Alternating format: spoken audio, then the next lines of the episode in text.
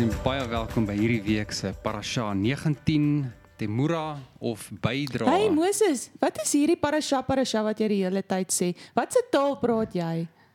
Grietjie, ehm um, okay, kom ek verduidelik vir jou wat wat Parasha is. Asseblief Moses, ek verstaan nie hierdie goed nie. Parasha is net 'n 'n Hebreëse woord vir gedeelte. En dis basies 'n stukkie manna wat ons het vir die week. Die hele jaar word opgedeel in 52 parashas of 52 gedeeltes wat handel in die eerste 5 boeke van Moses. As jy kyk na Lukas 4 vers 16, sal jy onthou dat Yeshua in die sinagoge opgestaan het en uit die boekrol uitgelees het. Dit is 'n gedeelte van die parasha wat hy gelees het en dit is waarom ons dit vandag nog ook so doen. Maats, hierdie is 'n baie opwindende week in die kamp van Israel. Kom ons gaan kyk wat gebeur die week. Moses, Moses wag vir my. Ek sien jy was weer op die berg. Waarheen loop jy so haastig? Wat is daar in jou hand, Moses? Kom Grietjie, kom. Ek is baie haastig. God het vir my instruksies en prentjies gegee om vir hom sy tabernakel te bou hier op aarde. Wat is 'n tabernakel, Moses? Tabernakel is 'n baie spesiale gebou of konstruksie van 'n hemelse patroon wat reeds in die geestelike riem bestaan, Grietjie. En dit om kort vir jou te verduidelik, dit is hoe Vader se troonkamer lyk in die hemel tot vandag toe. Waarom 'n tabernakel? Dit is hoe Abba Vader tussen sy mense gaan woon. In Johannes 14 vers 23 sien ons dat die Vader en die Seun by ons woning wil kom maak. Esegiel 37 sê dat dit 'n afbeelding van 'n hemelse tabernakel is, 'n prentjie wat reeds in die hemel bestaan het en nog steeds bestaan. Wow, Moses, ek wil so graag ook help om hierdie tabernakel van Abba Vader te bou. Hoe gaan ons dit doen? Grietjie gaan hoor gou by die mense, by elkeen wie vrywillig uit sy hart wil help en bydra tot die tabernakel. Dit gaan 'n offergawe moet wees wat hulle van hulle kant af moet bring.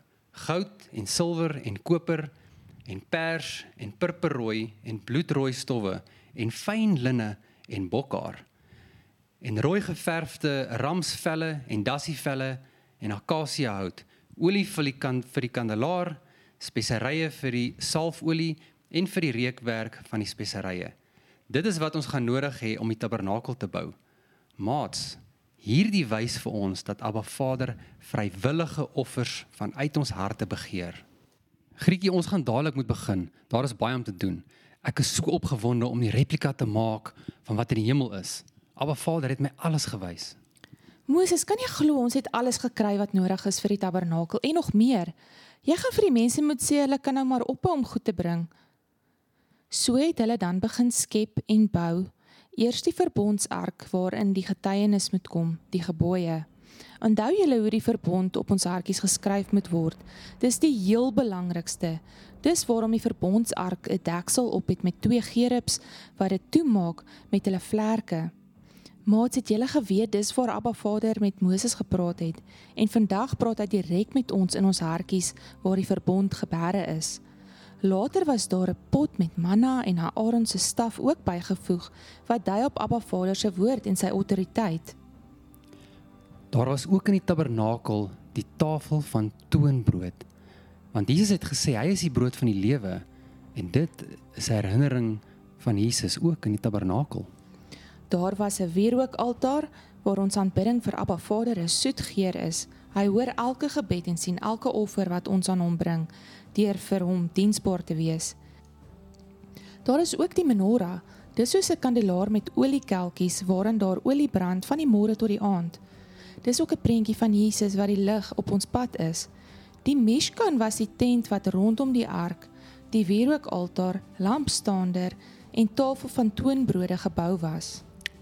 Die buitekant van die tabernakel het bestaan uit die volgende: die bronsaltaar waar offers gebring was soos lammetjies.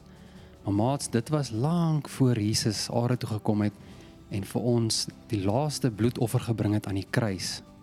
Die waskom is ook buite die tent of die mishkan in Hebreëus. Maar ons gaan weer later oor dit praat. Moses, kyk hier kom Hannetjie Harida. Dit lyk of sy iets wil sê. Paha! Wat op aarde was dit? Ek dink is 'n Adida. Hallo Grietjie. Wow, wat is al die goed wat jy gebou het? Dis 'n tabernakel, Hannetjie. 'n Wat? 'n Tabernakel. Is jy seker, Grietjie? Ek weet nie wat 'n tabernakel is nie, maar vir my lyk dit soos 'n kruis van hierbo af. Paha! Maats, het julle dit gehoor? Ek praat nou nie van daai vreemde geluid nie, maar het julle gehoor wat Hannetjie die Harida gesê het? Kan dit wees dat die dinge wat Abba Vader vir Moses gesê het om te maak in die tabernakel in die vorm van 'n kruis is? Net soos die kruis waarop Jesus vir ons sondes gesterf het? Ja, maats. Die hele tabernakel en alles wat daarin is, beeld Jesus uit. Alles is Jesus en alles gaan oor hom. En hy was nog altyd en sal vir ewig en altyd wees. Maats, so het die mense van Israel begin om 'n hemelse tabernakel te bou, soos Abba vir Moses gewys het. Ons mense het 'n begeerte wat Papa God in ons geplaas het toe ons nog in ons mamma se maagie was. Hy het dit daar geplaas, die begeerte om saam Papa God te wandel en om 'n verhouding met hom te hê. Die grootste rede hiervoor is omdat hy so graag met ons wil tyd spandeer. Hy wil hoor wat in ons hartjies aangaan en hy wil met ons deel hoe sy hart oor dinge voel. Hy wil ons hande vat en saam met ons stap en ons die groot plan wys wat hy vir ons lewens beplan het.